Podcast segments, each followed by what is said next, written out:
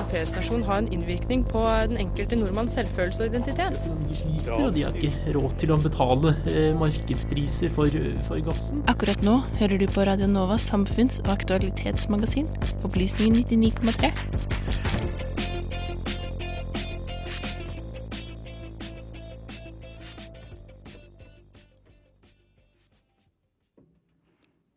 Vet du hva interkjønn er? Robin Leander fra Skeiv Ungdom har snakket med oss om interkjønn, og hvorfor det er så viktig at flere kjenner til begrepet. Den nye regjeringen er en flertallsregjering, men hva innebærer det, og hvordan vil det politiske landskapet preges av denne regjeringskonstellasjonen? IT-rapporten har vakt oppsikt. Vi må halvere inntaket av kjøtt og sukker. Og det er delte meninger om dette faktisk er fremtidens kosthold. Er det slike dramatiske endringer som skal til for å redde kloden? Visste du at som norsk statsborger må du betale nesten 200 000 kroner mer for en treårig bachelorgrad enn det studenter Det er et land som på en måte er eh, stadig i konflikt, og som har vært igjennom eh, mye konflikt. Markedsføringen av Norge som en fredsnasjon har en innvirkning på den enkelte nordmanns selvfølelse og identitet? De sliter, og de har ikke råd til å betale eh, markedspriser for, for gassen. Radio Novas samfunnsprogram Opplysningen 99,3 hver fredag mellom 10 og 11.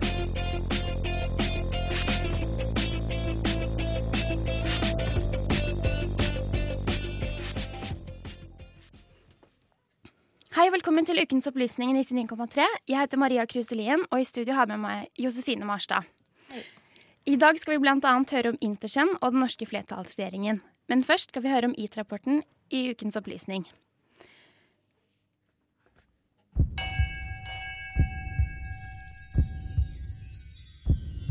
Ukas opplysning.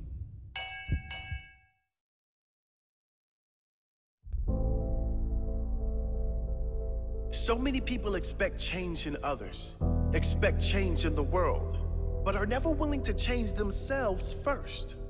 If you want to see change in others, you must first be the change you wish to see. If I want others to be better, I must be better. If I want my loved ones to change, I must be that change. I 2050 vil vi bli 10 milliarder mennesker på jorden. Hvordan skal alle få mat, når så mange allerede har mangel på det og miljøet lider? Ny rapport fra EAT viser at for å få til dette, må kostholdet vårt endres dramatisk. 37 flinke forskere står bak rapporten, og de sier at hvis vi følger den, vil vi få i oss nok god næring uten å gjøre ubotelig skade på planeten. Dette er et grønt kosthold. Mer frukt og grønt, og mindre animalske produkter. Mesteparten, eller alt, av proteinet bør komme fra planter. Kjøttkvoten begrenser seg til 0 til 14 gram rødt kjøtt per dag, 0 til 7 gram svin og 0 til 13 gram egg per dag. Grønnsaker, derimot, er 200 til 600 gram per dag, og 100 til 300 gram frukt. It turns out what we put on our plates matters a. About 25% of all the global climate change problems we're seeing can be attributed back to the food and the choices that we're actually making about what we eat on a daily basis. This is greater than all the cars on the planet. In fact, it's about twice as much global warming pollution as the cars. A lot of people feel really helpless when it comes to climate change, like they can't make a difference. And what our research is showing is that your personal decisions really can have a big impact. So, why does beef, and, and lamb too for that matter, pack such a powerful punch to the planet? Livestock accounts for a little over 14% of global greenhouse gas emissions. If that sort of seems low to you, consider it's about equal to transportation. We're talking all the cars, trucks, planes, trains, and ships on the planet combined. This is partly because ruminant animals like cows and sheep, they're just gassy.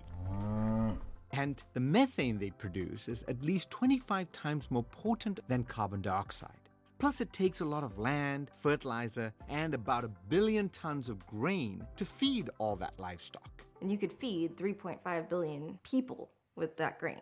If we were just directly eating these grains ourselves, it would eliminate a lot of the CO2 that's emitted from cattle production.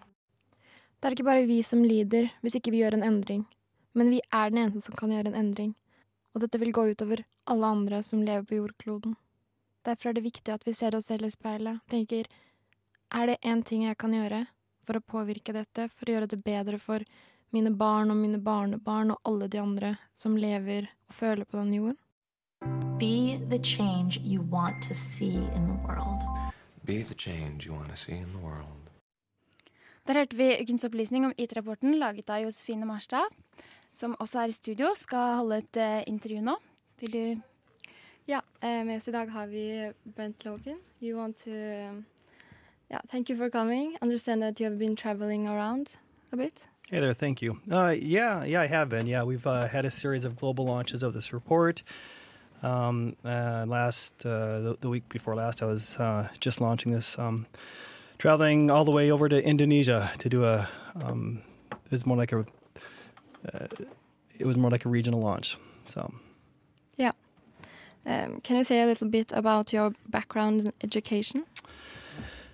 Sure. I've got a bit of a varied education. Um, I have been a teacher, I've been a headmaster. Uh, I worked some in Borneo on, uh, work some with palm oil issues. So worked a lot with, you know, orangutans and clouded leopards and such. Um, and it was actually when I was working in Borneo and looking at the destruction of the rainforest because of palm oil that got me interested in food. Because what I realized is everything comes back to food.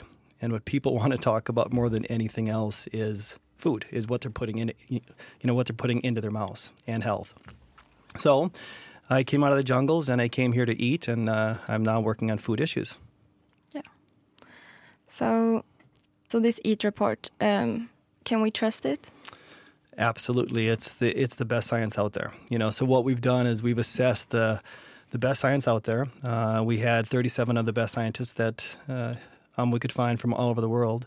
And we looked at the literature and said, you know, what are people saying about what we should be eating and and, and how how we should be actually making this food, you know, and what's so confusing is, you know, people are are generally confused about what they should be putting in their mouths. Um, what is actually a healthy diet? And there's so many claims out there that everybody knows what is a healthy diet. And what we said is, well, we've got to look at the science. And and and, and this is the the most comprehensive document that has been written on this topic. Um, there's a lot of uh, you know restaurants and people saying, "Well, we've got sustainable food." Well, what does that actually mean? You know, and we wanted to bring clarity to that. You know, so this is the first time that we've been able to actually set the scientific targets for what defines health and how we should be actually making this food. It's it's it's it's never been done before. So so this is a truly a internationally ground groundbreaking report. Yeah. Uh, why is it important? Why? You think? Yeah. Well, you know, the world has signed on to fighting climate change. I think um, we talk about that quite a bit. Uh, we've signed on to the SDG, Sustainable Development Goals, um, and that's by 2030, climate change by 2050 and beyond. But the thing about it is, is we will not meet these international targets if we don't change a food system. You know, we, we, that that that will not happen. Those will be, um, it will not be possible to actually meet these. Uh, the second thing is people are just getting generally a lot less healthy. You know, people are dying more of things like heart disease and cancers and uh, you know type two diabetes all over the world, and uh, we we have to start reversing these trends. You know, we're we're yeah less healthy now than what we were. The you know planet is less healthy as well, and and food plays a major part of that. Uh, but the thing about it is, is we didn't know how to fix it. You know, we didn't have targets before this. And now for the first time, we actually have those goalposts. We actually know where we have to go, what targets we have to shoot for. Uh, and now we can start um, getting to work and, and, and trying to fix it. Yeah. And uh, what's the plan to make people understand the importance of this report? Well, first step was uh, we had to write it, you know, and we had to write it, and we we actually had to set these targets, and that took a really long um, time to do this. Um, the next step is is just going out there and talking to as many people as we can, getting business on board, getting policymakers, national level, you know, policymakers, getting you know civil society, getting getting individuals and groups from all over the place to to look at this and to say what do these global targets mean for me? What does this diet mean to me? How can when when I walk into a supermarket, what does it actually look like? When I uh, am setting policies for the national government. How do I actually do it? What do I follow? So, so it's a translation of this report from from these global targets into something that makes sense to a person or a you know country or a business. Is is the next step that we are working on now. Yeah. Do you think uh, Norway is a potential candidate for this, or do you think like the government will approve? You know, I think if we can't do it in Norway, we can't do it anywhere. You know, Norway is a, is a, is an absolute target, and, and and I think that the great thing about Norway is Norway can lead, Yeah. and and everybody is trying to figure out how do we do this. How how do we actually transform a food system, and how do we deliver healthy, sustainable diets to everybody? And you know, Norway can be that shining star. They can they, they can set the example so that we can say it is possible. It is possible to have healthy food for everybody. Do it within within the environmental limits that that the earth places upon us, and still make money and still be profitable and still and, and still have an economic system and and and uh, um, uh, yeah, healthy healthy system. So. Yeah. And um, yeah, one thing I hear about uh, this is criti- criticism is about the the leaders taking yeah private jets and helicopters. Mm. And um, c- uh, would you say something about that and why people are hung up on this? I don't know why they're so hung up on this because the report is not about transportation. It's not about flying, and and and uh, that that's not the point of this report. You know, and like the intro to this was lead by example, right? And I absolutely agree 100% that we have to lead. Um, and and when you look at you know Gunhild and others, I mean they are eating this diet. They are walking the talk. You know, we we are eating this diet. We have adopted this diet. Um, you know, the matter of the fact is is is we also have to get out there and you know spread the word. We we have to tell everybody globally what this what this actually means, and the only way to do that in many cases is to is to fly. Um, but I but I think the transportation argument and the transportation issue should be separated. What the point of this report? The point is how do we feed everybody on this planet a healthy diet, not how do we travel. Um, so you know one of the, one of the great things is I think it's hard to debate the science in the report because the science is so solid. So some individuals are trying to find something that they can argue about, and and and and this is one of those topics. But I think it's a it's a bit of a diversion, um, and it shouldn't uh, uh, it shouldn't divert us from the importance of this report and what we're trying to do with it. And um, why do you think overpopulation is not mentioned? It is. It is. Yeah. So so we actually do talk about it, but we don't focus on it. And the reason that we don't is because um, the current trends are telling us that we're set for about 10 billion people by 2050. You know, those that's it's like those decisions have been made. We're kind of on that pathway, right? Uh, but the point of this was not to address population control issues. You know, is to say where are, are we going to be by 2050, and that's about 10 billion people, and how much food can we actually deliver healthy diets to that many people? Now, the tricky thing is, is, is we can't go much above 10 billion people. You know, we really have to start to stabilize a population at about 10 billion. Um, and, and, and that's an issue that has to be addressed. Um, if, if, if we go up to 11 or 12 billion, like some are saying that we will, uh, it's going to be tricky feeding everybody um, a healthy diet. Yeah. Thank you so much. Thank you very Um, much. It's my pleasure. En festasjon har en innvirkning på den enkelte nordmanns selvfølelse og identitet. sliter, og de har ikke råd til å betale eh, markedspriser for, for gassen. Akkurat nå hører du på Radio Novas samfunns- og aktualitetsmagasin, Opplysningen 99,3.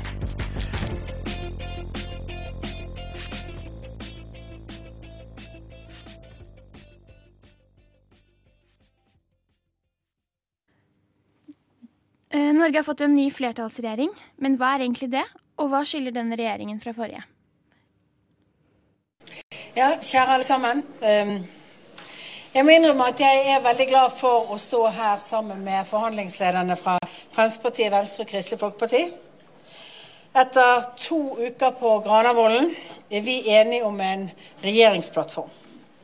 Og den er altså godkjent i alle partier. Dette er en historisk dag.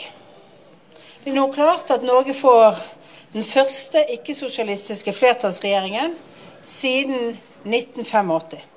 Norge har fått en flertallsregjering. En regjering som Erna Solberg sier vil bli bra for Norge. Men hva er egentlig en flertallsregjering, og hva skiller denne regjeringen fra den forrige? En flertallsregjering er som ordet tilsier, en regjering som har flertall i Stortinget. Det vil si at de har minst 85 seter på Stortinget. Dagens flertallsregjering består av partiene Høyre, Fremskrittspartiet, Venstre og Kristelig Folkeparti. Fordelene med en slik regjering for de som har makten, er at det kan være lettere å få gjennomslag for kjernesakene sine, fordi regjeringen kun trenger stemmene til sine egne partifeller i Stortinget for å få vedtatt sine forslag.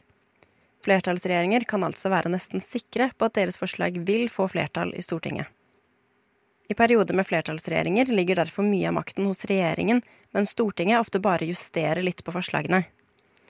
Det betyr likevel ikke at opposisjonen på Stortinget er ubetydelig. De skal fremdeles kontrollere at regjeringen følger opp Stortingets vedtak. Så langt har den nye regjeringen møtt mye motstand. Oppslutningen til partiene har minket, og tall fra NRK viser at de fire partiene til sammen har mistet rundt 7,7 prosentpoeng. Så dersom det hadde vært valg i dag, kunne man kanskje tenke seg at det ville blitt et rød-grønt flertall. Der hørte du et innslag laget av Anna Lea Poppe med klipp fra NRK. Og i studio nå har vi fått med oss Knut Heidar, professor i statsvitenskap ved Universitetet i Oslo. Velkommen. Takk for det.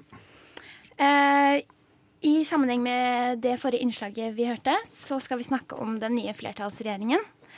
Eh, og da første spørsmål. Eh, hvordan vil det at vi har en flertallsregjering nå, prege de demokratiske prosessene på Stortinget? Det vil først og fremst merket ved at prosessene blir annerledes. Fordi den, også en flertallsregjering må gå til Stortinget eh, for å få aksept for sine forslag. Og det betyr at de først går til sine egne partigrupper og sonderer hva de kan få gjennomslag for i fellesskap. Og så legger regjeringen fram et forslag som da mer eller mindre automatisk får flertall når det kommer til votering i Stortinget.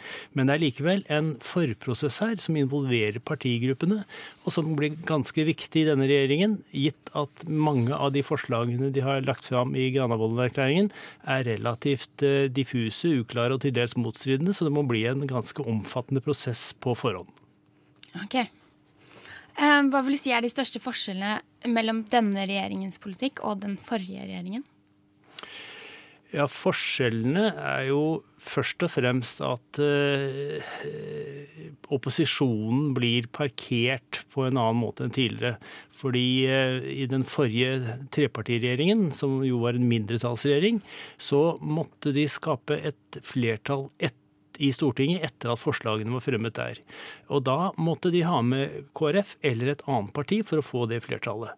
Eh, I og med at KrF nå er en del av regjeringen, så kan ikke verken Arbeiderpartiet, Senterpartiet eller SV på en måte legge fram eller få til noen avtaler med KrF som gjør at de vil få flertall i Stortinget mot regjeringens forslag. Så prosessen vil bli annerledes, og, og eh, opposisjonspartiene vil bli parkert på en annen måte. Det blir mer eh, retorikk og tomt spill i i stortingssalen enn det til tider var i den forrige perioden. Ok. Eh, men hvilke hovedsaker har hver av de fire partiene? Vil du si sånn overordnet, kanskje? Ja, altså tradisjonelt så har jo Høyre vært et eh, liberalkonservativt parti med, med en, en, en, aktiv næringspolitikk hvor private initiativ var viktig, samtidig som man skulle ta vare på kulturarven og de kristne eh, rammevilkårene.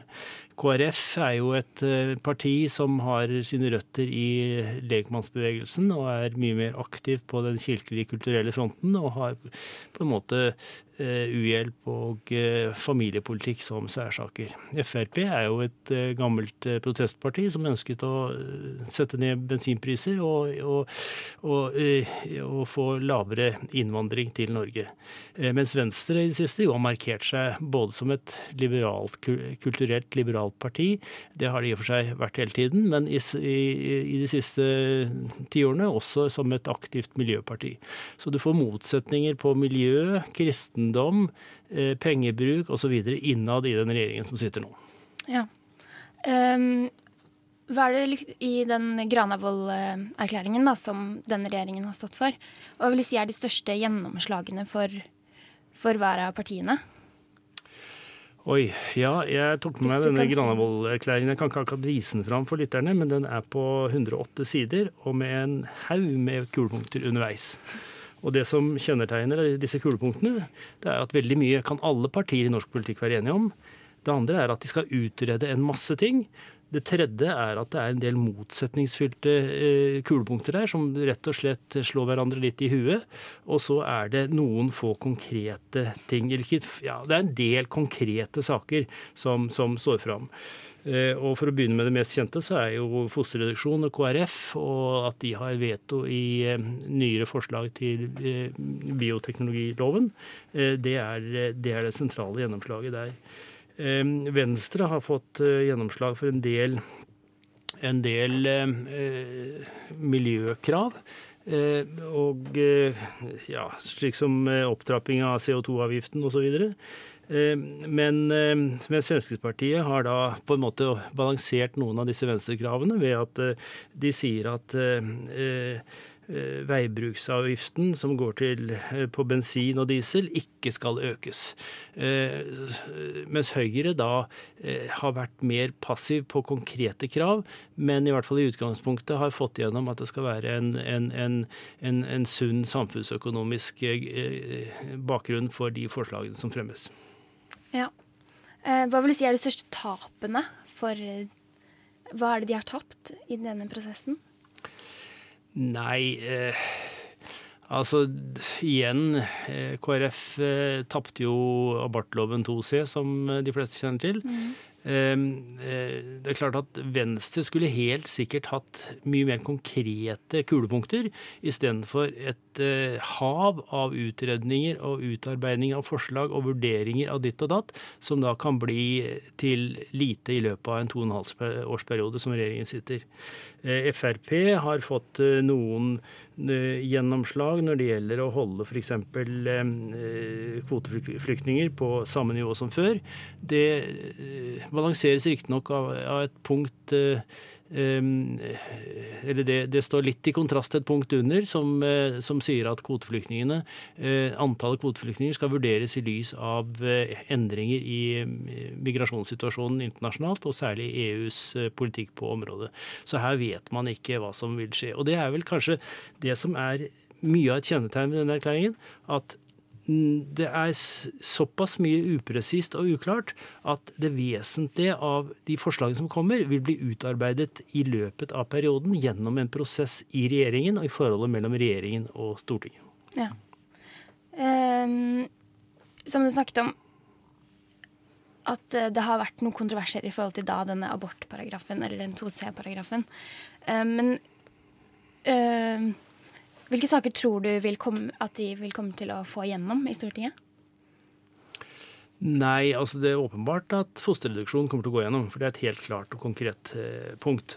Eh, og en del av eh, de familiepolitiske forslagene kommer jo også til å gå gjennom. For der har de, der har de bred støtte. Der er det mer et økonomisk spørsmål. Eh, slik at en motsetning i regjeringen, altså noe som kan dempe gjennomslagene, det er omfanget av kostnadskrevende reformer og en viss balanse i statsbudsjettet. Og her har man jo allerede begynt å snakke om å ta penger under streken, samtidig som man skal beholde skattelese og kanskje øke det. Så her blir det mye interessant for politiske journalister vekster framover. Ja, det, jeg leste tidligere her, um, bl.a. i Dagbladet, at uh, Erna snakket uh, om å bruke penger, som du nevnte, utenfor uh, budsjettet. Mm.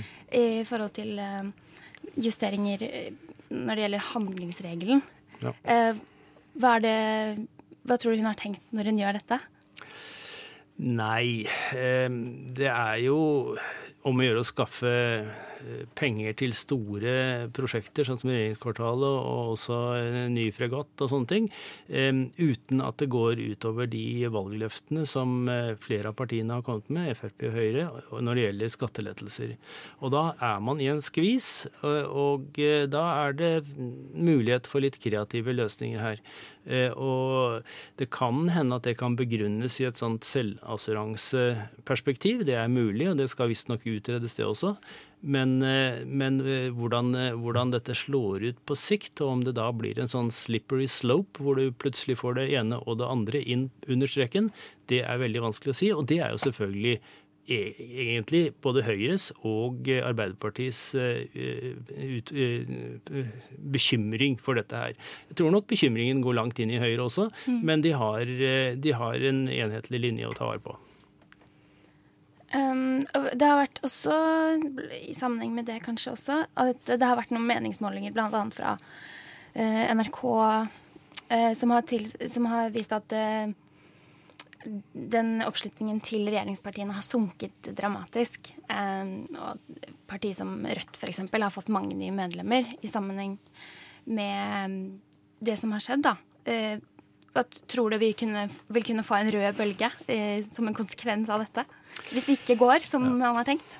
Ja, der vil jeg klamre meg til eh, salig Harold Wilson, som sa noe av det viktigste om eh, politiske prosesser, at i politikken er en uke en veldig lang tid. Ja. Eh, men det er klart du vil ha en regjeringsslitasje når du får, får fram de nederlag enkeltpartiene har gått på. Samtidig så vil du også ha mulighet til å vinne velgere når du får fram politikk på de områder hvor de faktisk har vunnet. Hvordan dette slår ut på lang sikt, det er vanskelig å si. Men jeg tror nok eh, kanskje skuffelsen i, i Høyre over statsministerens eh, abortinitiativ i forbindelse med KrF-forhandlingene, mm. Eh, at det har gitt et, et hogg inn i, i Høyres velger, velgergruppe.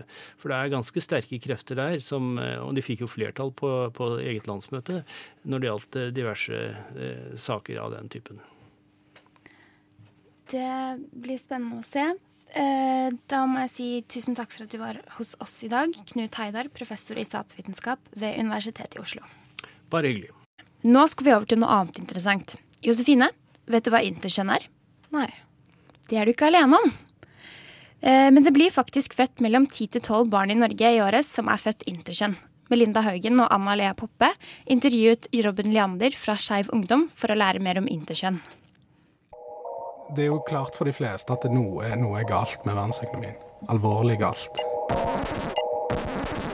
First thing I, I went into prison, a young man, and I got out of it a very old man. Du hører på Opplysningen 99,3 på Radio Nova.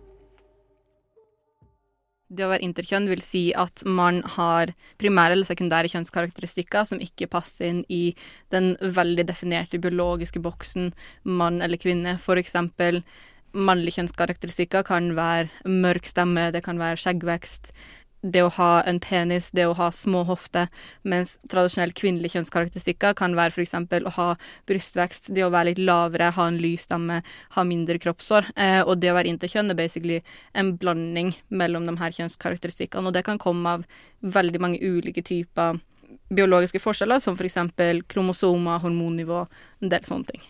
Det er kanskje mange som blander det med transkjønn? Det, det skjer, eh, og det handler jo i utgangspunktet om to veldig ulike ting. Det å være trans eh, handler om kjønnsidentitet, og at man sjøl ikke identifiserer seg med det kjønnet man ble tildelt ved fødsel, mens når det kommer til interkjønn, så er det faktiske biologiske forskjeller fra det kjønnet man ble tildelt, eller som doktorer eh, på en eller annen vis gjennom kirurgi f.eks. ønska å tildele deg, fordi du ikke passa inn biologisk. Hva tror du at skjer når folk blir født som interkjønn? Hva, hva er det første som skjer idet de kommer til verden? Eh, det kommer veldig an på hvilken interkjønnsvariasjon man har, fordi det er ikke alle varianter som er synlige ved fødsel. En del kommer til syne først i pubertet eller senere i livet. Eh, men for de av oss som er født med kjønnsorganer som ikke er veldig tydelig mannlig eller kvinnelig, eh, så er det veldig ofte at doktorer f.eks. anbefaler kosmetiske operasjoner for å kunne tildele dette barnet et spesifikt kjønn. Um, og det er veldig synd, for i Norge så har vi veldig lite informasjon om den praksisen som faktisk skjer på dette feltet. Eh, men vi vet at det skjer en del kosmetiske operasjoner på, på småbarn sine genitalier, som småbarn som på ingen måte har mulighet til å gi samtykke. Tror du leger generelt har nok kunnskap om det her? Jeg tror ikke leger generelt har nok kunnskap om kjønnsmangfold i det hele tatt. Gjennom personlige opplevelser med helsevesenet som, som transperson, så vet at det på kjønnsfeltet, både når det kommer til kjønnsidentitet eh, og variasjon i kjønnskarakteristikker, at det mangler veldig mye kompetanse i det norske helsevesenet, dessverre. Altså, det, det, er veldig mye her som man vet veldig lite om. Det har blitt forska veldig lite på det. Eh, og det av forskning som finnes, er ikke veldig lett tilgjengelig. Hvordan tror du bevisstheten er rundt den tematikken? Det er veldig lite bevissthet rundt denne tematikken i Norge. Eh, og det skjer jo igjen med at vi f.eks. ikke jobber noe særlig med det her temaet i de store LHBTI-organisasjonene. Eh, og vi har heller ikke noen egen organisasjon på interkjønnsfeltet som jobber med det.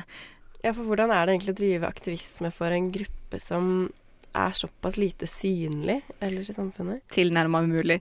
Eh, det er planer om å prøve å starte en egen interkjønnsorganisasjon i Norge eh, gjennom et par aktivister som jeg kjenner, men vi har ikke kommet så langt, for det er veldig vanskelig å finne folk som sjøl er interkjønn, identifiserer seg som det, og som har kapasitet til å være med å starte en organisasjon, for det er jo også veldig mye jobb. Hvorfor tror du det er så få som identifiserer seg som det, når det blir født mellom 10 og 12 barn som interkjønn hvert eneste år? Internasjonalt så ser vi ofte at barn som er født med genitalia som ikke nødvendigvis er veldig lett å plassere i boksen mann eller kvinne, ofte blir operert som spedbarn uten at de sjøl får informasjon om at dette inngrepet har blitt begått. Eh, så man kan vokse opp helt uten å vite at man har hatt operasjoner av dem. Eh, og vi vet også at det er veldig mange personer som kanskje er interkjønn i Norge i dag, som ikke vet det, fordi det finnes veldig lite informasjon på feltet. Eh, og at man da f.eks. bare oppdager de mest kritiske tilfellene der det å være interkjønn fører til en del fysiske helseplager. Eh, men det er på langt nær ikke alle varianter der det er tilfellet, og da går man kanskje hele livet og er interkjønn uten at man nødvendigvis er klar over det. Hvordan kan samfunnet bli bedre på å normalisere interkjønn, tror du? Altså, veldig mye går på veldig sånn dyptgående samfunnsendringer. Det å ikke nødvendigvis anta eh, hvilken identitet folk har ut fra hvordan de ser ut, eh, og prøve aktivt å bryte ned de kjønnsforventningene vi har i samfunnet i dag om at alle jenter skal gå med rosa, skal være små, skal være skjør, skal leke med dokker, og at alle gutter skal være tøff, skal være stor, skal ha muskler, skal ha kort hår, skal spille fotball. Fordi veldig mange av de forventningene som blir satt på små barn, særlig når det kommer til utseende og oppførsel, er skadelig ikke bare for dem som er trans og intersex, men også for resten av samfunnet, fordi man vokser opp i veldig trange bokser og blir stigmatisert og behandla dårligere av samfunnet når man bryter med de forventningene. Eh, så jeg tror mye av det man må bli flinkere på, at ikke nødvendigvis anta identitet, ikke nødvendigvis anta biologi, eh, og bare se mennesker som mennesker, og ikke nødvendigvis kroppsdeler eller kjønn bestemt ved fødsel av en eller annen tilfeldig lege. Der hørte vi intervju med Robin Leander fra Skeiv Ungdom. Snakke om interkjønn. Eh, innslaget var laget av Melinda Haugen og Amalia Poppe. Det er jo klart for de fleste at noe, noe er galt med verdensøkonomien. Alvorlig galt. First thing I, I went into prison, a young man, and I got out of it a very old man. Du hører på Opplysningen 99,3 på Radio Nova. Eh, det var det vi hadde for eh, i dag. Og medvirkende til denne ukens sending var tekniker Annika Bogen, Anna Lea Poppe, Melinda Haugen, Josefine Marstrand, og i studio var meg, Maria Kruselien og Josefine. Vi ønsker alle en god helg. Ses, høres neste uke. Eller hva, Josefine? Ja, det gjør vi. Ha det. Ha det.